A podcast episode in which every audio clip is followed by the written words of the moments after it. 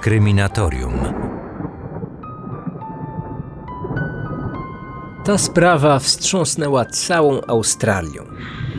Śmierć dwumiesięcznej Azari Chamberlain podzieliła społeczeństwo do tego stopnia, że prowadzone śledztwo nazwane zostało przez niektórych polowaniem na czarownicę. Wszyscy zadawali sobie pytanie, jak zginęła Azaria i co tak naprawdę wydarzyło się pod Uluru, świętą górą aborygenów. Czy dziewczynka padła ofiarą religijnego fanatyzmu swoich rodziców, jak uparcie przekonywały australijskie media? A może została porwana i zjedzona przez dingo, australijskiego drapieżnika z rodziny psowatych, o czym przekonywała matka, która za morderstwo własnej córki skazana została na dożywocie. Wydarzenie to dało początek najbardziej sensacyjnej i ciągnącej się przez wiele lat historii o tajemniczym morderstwie. Aby sprawiedliwości stało się zadość, musiało jednak minąć aż 32 lata. Kryminatorium. Otwieramy akta tajemnic. Dla mieszkających w Mount Isa w australijskim stanie Queensland rodziny Chamberlainów to miały być wakacje życia. W sierpniu 1980 roku 32-letnia Lindy, jej 35-letni mąż Michael oraz ich dzieci, 7-letni Aiden, 4-letni Regan i dwumiesięczna Azaria wybrali się w samochodową podróż liczącą 1300 kilometrów. Celem rodzinnej wycieczki była skała Uluru, zwana także Ayers Rock, święte miejsce rdzennych aborygenów znajdujące się w centralnej części Australii na terytorium północnym. Na miejsce dotarli 16 sierpnia. Zmęczeni wyprawą, rozbili namiot tuż pod skałą wśród wielu obecnych o tej porze roku turystów. Nic nie zwiastowało dramatu, gdy późnym wieczorem małżeństwo biesiadowało przy grillu w towarzystwie biwakujących w pobliżu innych turystów. Ich młodszy syn bawił się w pobliżu. Starszy dołączył do rodziców, chwilę wcześniej wychodząc z namiotu, w którym została Azaria. Dziewczynka spała. Było już po północy, gdy Lindy odeszła od grilla, udając się za potrzebą. Wracając po około 10 minutach, usłyszała dźwięk przypominający cichy płacz dziecka. Wydawało jej się, że dochodzi on z ich namiotu. Postanowiła więc sprawdzić, czy Azaria się obudziła. Po chwili na pustkowiu rozległ się przeraźliwy krzyk matki. O mój Boże! O mój Boże! Dingo ma moje dziecko! Michael! Dingo ma moje dziecko! Podbiegła do namiotu. Po chwili dołączył do niej Michael, trzymający w dłoni latarkę. Oboje od razu zorientowali się, że Azaria zniknęła. Pisarz Ken Crespin w książce Sprawa Chamberlainów wspominał, że pozostali obozowicze zaalarmowani przez Chamberlainów natychmiast rozpoczęli poszukiwanie dziecka. Niestety nie przyniosły one rezultatu. Michael pojechał do najbliższego posterunku policji. Przybyli na miejsce funkcjonariusze rozpoczęli własne poszukiwania. W ich trakcie sfotografowano kilka odcisków łap dingo w pobliżu namiotu. Na kocu i śpiworze, w którym spała Azaria, odnaleziono niewielkie ślady świeżej krwi. Dopiero po tygodniu policyjnych poszukiwań dokonano kolejnego odkrycia. W odległości 4 kilometrów od obozu znaleziono śpioszki, w które ubrana była Azaria w nocy zaginięcia. Były obficie zakrwawione w okolicach szyi dziecka, co potwierdziło przypuszczenia policjantów, że dziewczynka nie żyje. Kilka metrów dalej leżała pielucha i jeden bucik. Nie stwierdzono na nich śladów zębów żadnych drapieżników. Zgodnie z procedurami sprawdzono także rzeczy należące do rodziców dziewczynki, w tym samochód marki Holden Torana, należący do Michaela. Pod deską rozdzielczą auta ujawniono brunatno-czerwone plamki, które uznano za ślady ludzkiej krwi. Z kolei wyniki badań dziecięcych śpioszków wykazały brak na nich jakichkolwiek cząsteczek zwierzęcej śliny. Zdaniem prokuratury wykluczało to możliwość kontaktu dziecka z pystiem dingo. Już pierwsze doniesienia mediów były bardzo krytyczne wobec zeznań matki. Dziennikarze, powołując się na rozmaitych ekspertów, wątpili, że dingo byłoby zdolne unieść dwumiesięczne dziecko i uciec z nim. Ich uwaga szybko skupiła się na rodzicach Azarii. Wkrótce stali się oni głównymi podejrzanymi. W oczach zwykłych Australijczyków byli teraz bezlitosnymi mordercami własnego dziecka. Niedługo oboje zostali aresztowani. W celu zdyskredytowania rodziców prasa bez skrupułów wykorzystała fakt przynależności Chamberlainów do kościoła adwentystów dnia siódmego. Zdaniem dziennikarzy swoją córkę ubierali na czarno, by symbolizować dziecko diabła. Pojawiało się także mnóstwo wyssanych z palca rewelacji, jak te, że w ich Biblii fragment o składaniu dzieci w ofierze był podkreślony na czerwono, a samo imię Azaria w języku hebrajskim oznaczało składanie ofiary w puszczy, co oczywiście było totalnie totalną bzdurą. Nikt tego jednak nie weryfikował, a ludzie uwierzyli we wszystko, co przeczytali. Mieszkańcy Australii nienawidzili Lindy. Według nich wystąpienia medialne kobiety były kiepską grą aktorską, mającą zbudzić w ludziach współczucie dla dzieciobójczyni. Większość społeczeństwa tego współczucia jednak nie czuła. Każdy miał własną teorię i opinię, a śmierć Azari stała się tematem numer jeden na wielu spotkaniach towarzyskich. Wszędzie opowiadano dziesiątki kiepskich dowcipów o australijskich dingo pożerających niemowlęta, a zawołanie Dingo ma moje dziecko stało się wkrótce synonimem ukrywania własnej winy i zwalania jej na innych. I jest tak do dziś. W Australii zwrot ten jest wciąż chętnie wykorzystywany w różnych komediach, parodiach i sketchach scenicznych, a nawet w dziecięcych kreskówkach. Podczas pierwszej rozprawy, rozpoczętej w grudniu 1980 roku, oskarżyciel upierał się, że zbrodni dokonała Lindy Chamberlain, Według zgromadzonych przez prokuraturę dowodów, kobieta oddaliła się od towarzyszy nie za potrzebą, jak twierdziła, ale po to, by niezauważona przenieść śpiącą Azarię do oddalonego samochodu. Tam z zimną krwią miała podciąć córce gardło nożyczkami, znalezionymi później w aucie. Chamberlainowie, wiedząc, że w okolicy mogą grasować dingo, działając razem i w porozumieniu, postanowili upozorować atak drapieżników, aby odsunąć od siebie wszelkie podejrzenia. Zbrodni dokonała Lindy, która później ukryła zwłoki dziecka w torbie na kamerę. Wyczyściła ślady krwi, po czym wróciła do namiotu, gdzie zaalarmowała wszystkich o tym, że Dingo zabrało jej dziecko. Zwrócono również uwagę, że Lindy już dzień po tragedii zachowywała się podejrzanie. Nie wyglądała na osobę, której dzikie zwierzę porwało i zabiło dziecko. Zamiast histeryzować, czego od zrozpaczonej matki oczekiwało społeczeństwo, z kamiennym wyrazem twarzy udzielała obszernego wywiadu w telewizji. Brak łez miał być dowodem na brak uczuć rzekomej morderczyni. Podobny podejrzany spokój miał też cechować jej męża.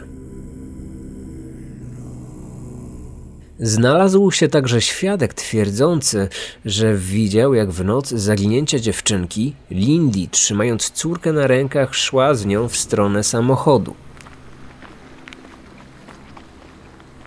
Mężczyzna zeznał, że po około 10 minutach kobieta wróciła, ale już bez dziecka. Skierowała się w stronę namiotu, po czym zaczęła krzyczeć o porwaniu córki przez Dingo. Zeznania te zostały jednak podważone przez żonę świadka, która twierdziła, że w chwili zaginięcia jej mąż spał pijany przy grillu i nie mógł niczego widzieć. Podczas procesu Lindy ze szczegółami opowiadała o momencie zaginięcia Azari. Idąc w stronę namiotu usłyszałam płacz Azari. Gdy byłam już w połowie drogi pomiędzy grillem a namiotem, zauważyłam, jak wyłania się z niego dingo. Wychodził tyłem i miał trudności z wydostaniem się na zewnątrz. Nagle zaczął energicznie potrząsać pyskiem, jak, jakby coś szarpał. Samego pyska nie widziałam, gdyż jego łeb był w namiocie. Moja córka była w środku i bardzo się o nią bałam. Zaczęłam płakać i krzyczeć, że Dingo ma moje dziecko. Wtedy zwierzę uciekło, a, a gdy dobiegłam do namiotu, Azari już w nim nie było.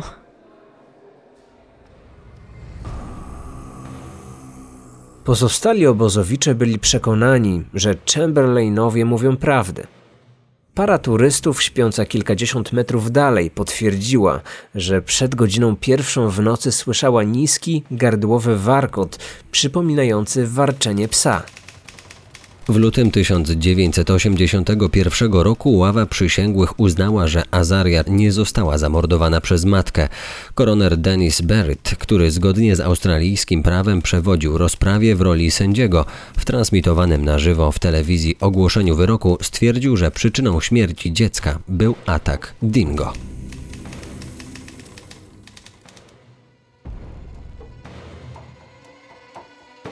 Chamberlainowie zostali uniewinnieni. Nie był to jednak koniec ich kłopotów.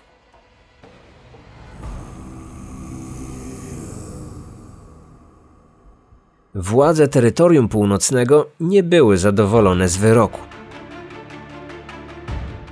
Przyznanie, że Dingo był odpowiedzialny za śmierć człowieka, mogło nieść ze sobą duże straty wizerunkowe Parku Narodowego, którego główną atrakcją była odwiedzana przez turystów z całego świata skała.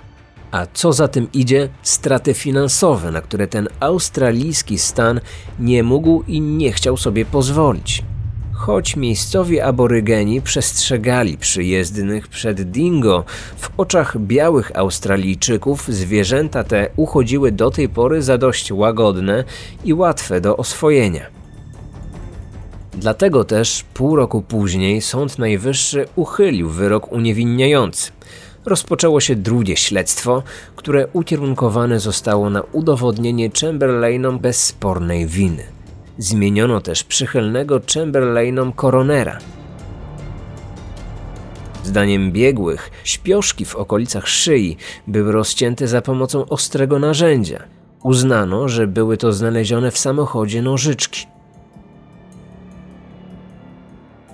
Buck Richardson w książce Dingo Niewinny tajemnica Azari Chamberlain zwrócił uwagę na fakt, że do tej pory w Australii nie odnotowano żadnego porwania i zabicia dziecka przez dingo. Byłby to zatem pierwszy taki przypadek, zdaniem oskarżyciela mało prawdopodobny, a wręcz niemożliwy. Powołani na świadków przez obronę aborygeńscy tropiciele zeznali, że dzień po zaginięciu dziecka widzieli ślady jednego dingo inne niż pozostałe. Wyglądały na zostawione przez zwierzę niosące w pysku jakiś nieokreślony ciężar. Zdaniem aborygenów dingo mógł w swoim pysku nieść kilkumiesięczne dziecko. Zeznania te zostały jednak z niewiadomych przyczyn odrzucone przez sąd. Lindy Chamberlain próbowała przed sądem tłumaczyć, że jej córka miała na sobie dodatkowy kaftanik i dlatego brak jest śladów śliny na śpioszkach. Prokurator uznał zeznania matki za kłamstwo i w mowie końcowej zwrócił się do ławników. Oskarżona twierdzi, że wszystkie ślady świadczące o jej niewinności znajdują się na kaftanie. Czy wśród zebranych dowodów widzicie Państwo jakiś niemowlęcy kaftan? Nie. I wiecie dlaczego? Bo go nigdy nie było. Jeśli kaftan ze śladami śliny dingo istnieje, to tylko w głowie oskarżonej, ponieważ go sobie wymyśliła. Tak jak wymyśliła całą historię o porwaniu dziecka przez dingo. Miała odwagę zabić, lecz zabrakło jej odwagi, by się przyznać. Oto, panie i panowie, prawda o tej kobiecie. Zadajcie więc sobie pytanie: czy wierzycie dowodom istniejącym, czy dowodom wymyślonym? Wierzę, że wydacie sprawiedliwy werdykt. Nie dla mnie, nie dla siebie, ale dla Azarii, bo jesteście jej to winni. Mowa oskarżyciela okazała się skuteczna. Po trwającym rok procesie 29 października 1982 roku Lindy Chamberlain, będąca wówczas w ósmym miesiącu ciąży, została uznana za winną zamordowania własnej córki i skazana na dożywotni pobyt w więzieniu.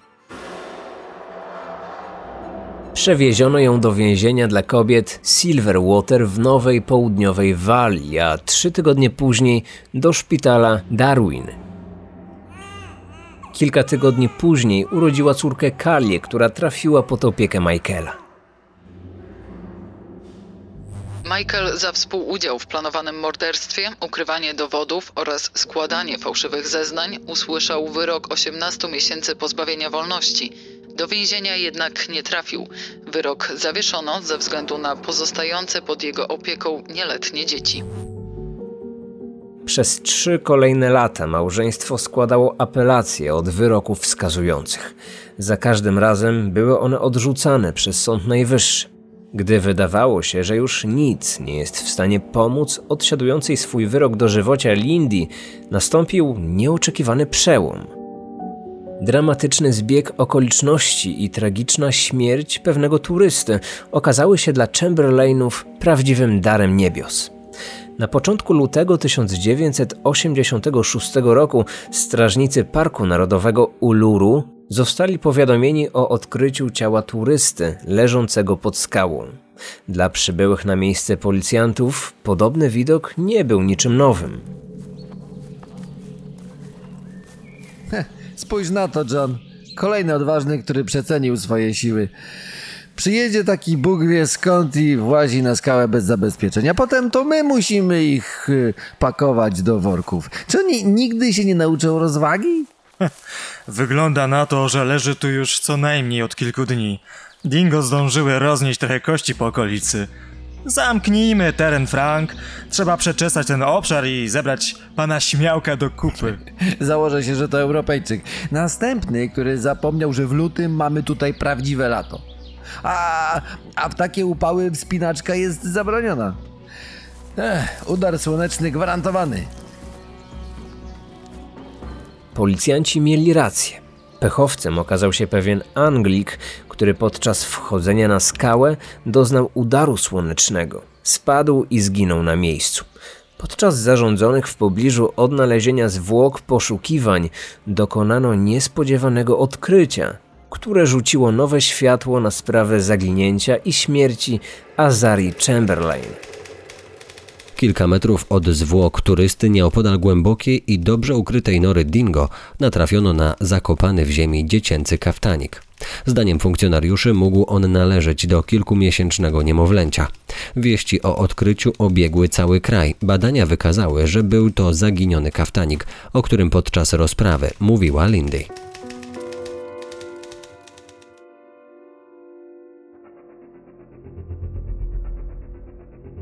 Zaskakujące doniesienia medialne sprawiły, że znaczna część społeczeństwa, wcześniej nieprzychylna Chamberlainom, zmieniła swoje nastawienie.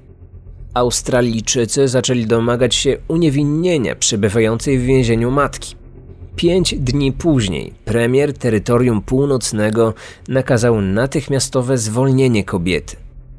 Rząd stanowy odroczył karę więzienia do czasu przeprowadzenia nowego śledztwa dowodowego przed stanowym sądem apelacyjnym. Wkrótce Chamberlainowie ponownie zasiedli na ławie oskarżonych. Jednak tym razem ich obrońcy byli znacznie lepiej przygotowani. Najważniejszym dowodem w sprawie był odnaleziony kaftanik Azari. Świadczył o tym, że podczas poprzedniej rozprawy Lindy mówiła prawdę. Każdy następny dowód również oddalał twierdzenie, że to Chamberlainowie przyczynili się do śmierci swojej córki. Okazało się, że plama znaleziona wcześniej pod deską rozdzielczą samochodu Michaela nie była wcale ludzką krwią. Brunatno-czerwone ślady okazały się być plamą po substancji natryskowej używanej do wygłuszania dźwięków silnika. Podobne plamy znaleziono w 11 innych autach tego samego modelu, wyprodukowanego w roku 1977. Les Harris, prezes Fundacji Dingo Australijskiego, od wielu lat zajmujący się badaniem tych zwierząt, powołany na świadka obrony, zeznał, że dorosły dingo jest zdolny chwycić rozwartą szczęką głowę kilkutygodniowego dziecka i unieść je, a nawet z nim biec. Jako dowód zaprezentował przed sądem zdjęcie dingo niosącego w ten sposób naturalnych rozmiarów lalkę. Wspomniał również, że raz był świadkiem, jak Dingo niósł w pysku 10-kilogramowego kangura. Odniósł się także do nacięć na śpioszkach, zdaniem prokuratora, wykonanych nożyczkami. Moim zdaniem, e, i mówię to z pełną odpowiedzialnością, zęby dorosłego dingo są w stanie dokonać dokładnie takich cięć, jakie można zauważyć na przedstawionych mi śpioszkach. Podczas moich badań kilka razy byłem świadkiem, jak dingo bez najmniejszego problemu przecinał zębami pasy samochodowe. Podcięcie gardła dziecku nie stanowiłoby dla dingo najmniejszego problemu. Podczas rozprawy na jaw wyszedł również inny atak dingo na dziecko. Kilka dni przed przybyciem Chamberlainów, trzyletnia dziewczynka na oczach swoich rodziców została wciągnięta przez zwierzę z przyczepy kempingowej. Tylko szybka reakcja dorosłych uratowała dziecko przed nieszczęściem. Już dwa lata przed śmiercią Azarii, szef strażników Parku Narodowego wysłał swój raport do władz stanowych. Pragnę ostrzec władze stanowe przed niebezpieczeństwem, jakie moim zdaniem może grozić turystom odwiedzającym Ayers Rock ze strony zbyt szybko rozrastającej się populacji dingo na naszym terenie. Zwierzęta zbliżają się do ludzi na coraz mniejszą odległość, stają się przy tym coraz bardziej agresywne. Tylko wprowadzony przez rząd program kontrolowanego odstrzału dingo na terytorium parku może zapobiec przyszłym nieszczęściom, jakie moim zdaniem niewątpliwie nastąpią, jeśli w porę nie zareagujemy.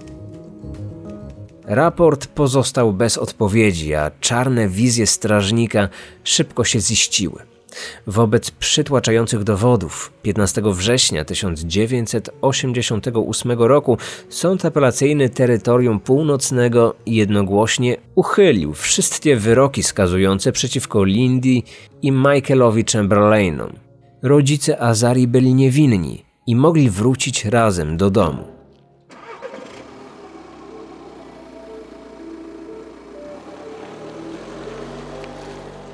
Dwa miesiące później na ekrany kin trafił film zatytułowany Krzyk w ciemności, opowiadający historię państwa Chamberlain i ich walkę z australijskim wymiarem sprawiedliwości.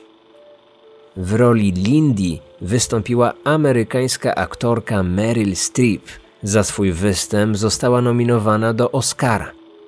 Film zdobył również cztery nominacje do Złotych Globów, w tym dla najlepszego filmu i najlepszej aktorki pierwszoplanowej.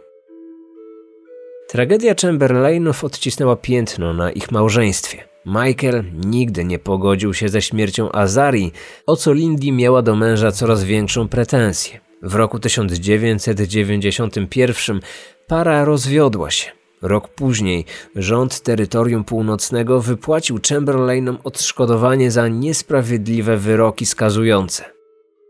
Lindy otrzymała milion trzysta tysięcy dolarów australijskich, co stanowi wartość dzisiejszych 4 milionów. Michaelowi przyznano 400 tysięcy dolarów, czyli dzisiejszą równowartość miliona dwustu tysięcy. Lindy wciąż domagała się uznania oficjalnej przyczyny zgonu swojej córki jako śmierci spowodowanej przez atak Dingo. Pod koniec roku 1995 koroner John Lowndes otworzył trzecie śledztwo, ale nie zmieniło ono niczego. Akt zgonu Azarii Chamberlain wciąż stwierdzał śmierć z przyczyn nieznanych. W 30. rocznicę śmierci Azarii Chamberlainowie jeszcze raz zaapelowali do władz o zmianę aktu zgonu. Dwa lata później ich apele zostały w końcu wysłuchane. W lutym 2012 roku rozpoczęło się ostatnie, czwarte śledztwo. Michael nie krył wielkiego zadowolenia. W swojej autobiografii zatytułowanej Serce z kamienia Moje poszukiwanie sprawiedliwości dla Azarii napisał Nareszcie doczekaliśmy się poważnej próby ustalenia prawdziwej przyczyny śmierci mojej córki – Przypuszczam, że bez ważnych przesłanek nie otwiera się śledztwa, a to znaczy, że sprawa może w końcu stracić status nierozwiązanej, jakim zakończyła się w roku 95. Teraz śledczy, szukając przyczyny śmierci Azari, nareszcie zaczęli się przyglądać Dingo, a nie ludziom. Tym razem adwokat rodziny przedstawił wiele relacji o atakach dingo, w których ucierpieli ludzie. Łącznie od roku 1995 zanotowano 14 takich ataków. Trzy z nich zakończyły się śmiercią dzieci. W przeciwieństwie do swoich poprzedników, koroner Elizabeth Morris nie miała wątpliwości i nakazała zmianę aktu zgonu Azarii. Zanim zakończyła rozprawę, powiedziała: Przyjmijcie moje szczere wyrazy współczucia. Jest mi tak bardzo przykro z powodu waszej straty. Czas nie usuwa bólu i smutku po śmierci dziecka. A wasze dziecko zapłakało w ciemności, gdy uprowadził je dingo. 17 sierpnia 1980 roku Azaria poniosła śmierć w jego szczękach. Nie mam co do tego żadnej wątpliwości. Już nigdy Australijczycy nie powiedzą, że dingo nie są niebezpieczne i atakują człowieka tylko wtedy, gdy są przez niego sprowokowane. Po 32 latach sprawiedliwości stało się zadość. Po wyjściu z sądu, Lindy udzieliła krótkiego wywiadu dziennikarzowi brytyjskiego dziennika The Guardian. O niczym innym nie marzyłam. Azaria zasługiwała na sprawiedliwość. Australia była jej to winna. Czy oczekuje pani teraz przeprosin od rządu terytorium północnego za te wszystkie lata cierpienia i niesprawiedliwości? Niczego już nie oczekuję od nikogo, a zwłaszcza od rządu. Przeprosiny byłyby miłe, ale jeśli zmuszasz kogoś do przeprosin wbrew jego woli, to będą one nieszczere, czyli będzie to zwykłe kłamstwo. Michael Chamberlain zmarł w pierwszych dniach 2017 roku po długiej walce z rakiem. Nigdy nie pogodził się ze śmiercią swojej córki. Do końca swoich dni utrzymywał serdeczny kontakt ze swoją byłą żoną, choć to właśnie ją obwiniał o niedopilnowanie Azarii tamtej tragicznej nocy. Lindy wyszła za mąż za amerykańskiego wydawcę, będącego, tak jak ona, członkiem Kościoła Adwentystów Dnia Siódmego. Przez lata gromadziła wszelkie pamiątki związane z zaginięciem i śmiercią córki. Później przekazała je Australijskiemu Muzeum Narodowemu, w którego zbiorach znajduje się obecnie ponad 250 takich eksponatów, w tym szkice sądowych rysowników, fragment deski rozdzielczej z brunatno-czerwoną plamą, sukienka Azari czy numer oderwany z drzwi więziennej celi, w której Lindy spędziła 3 lata. Sprawa Azari Chamberlain jest dziś uznawana za najgłośniejszy proces w historii tego kraju, a także za najdłuższy i najbardziej emocjonujący. Uluru wciąż jest odwiedzana przez turystów z całego świata. W zeszłym roku przybyło ich ponad pół miliona. Od października 2019 roku wspinaczka na skałę jest jednak surowo zabroniona. O wydanie takiego zakazu aborygeni walczyli przez kilkadziesiąt lat. Został on ustanowiony dokładnie w 34. rocznicę powrotu tego miejsca do pierwotnych właścicieli.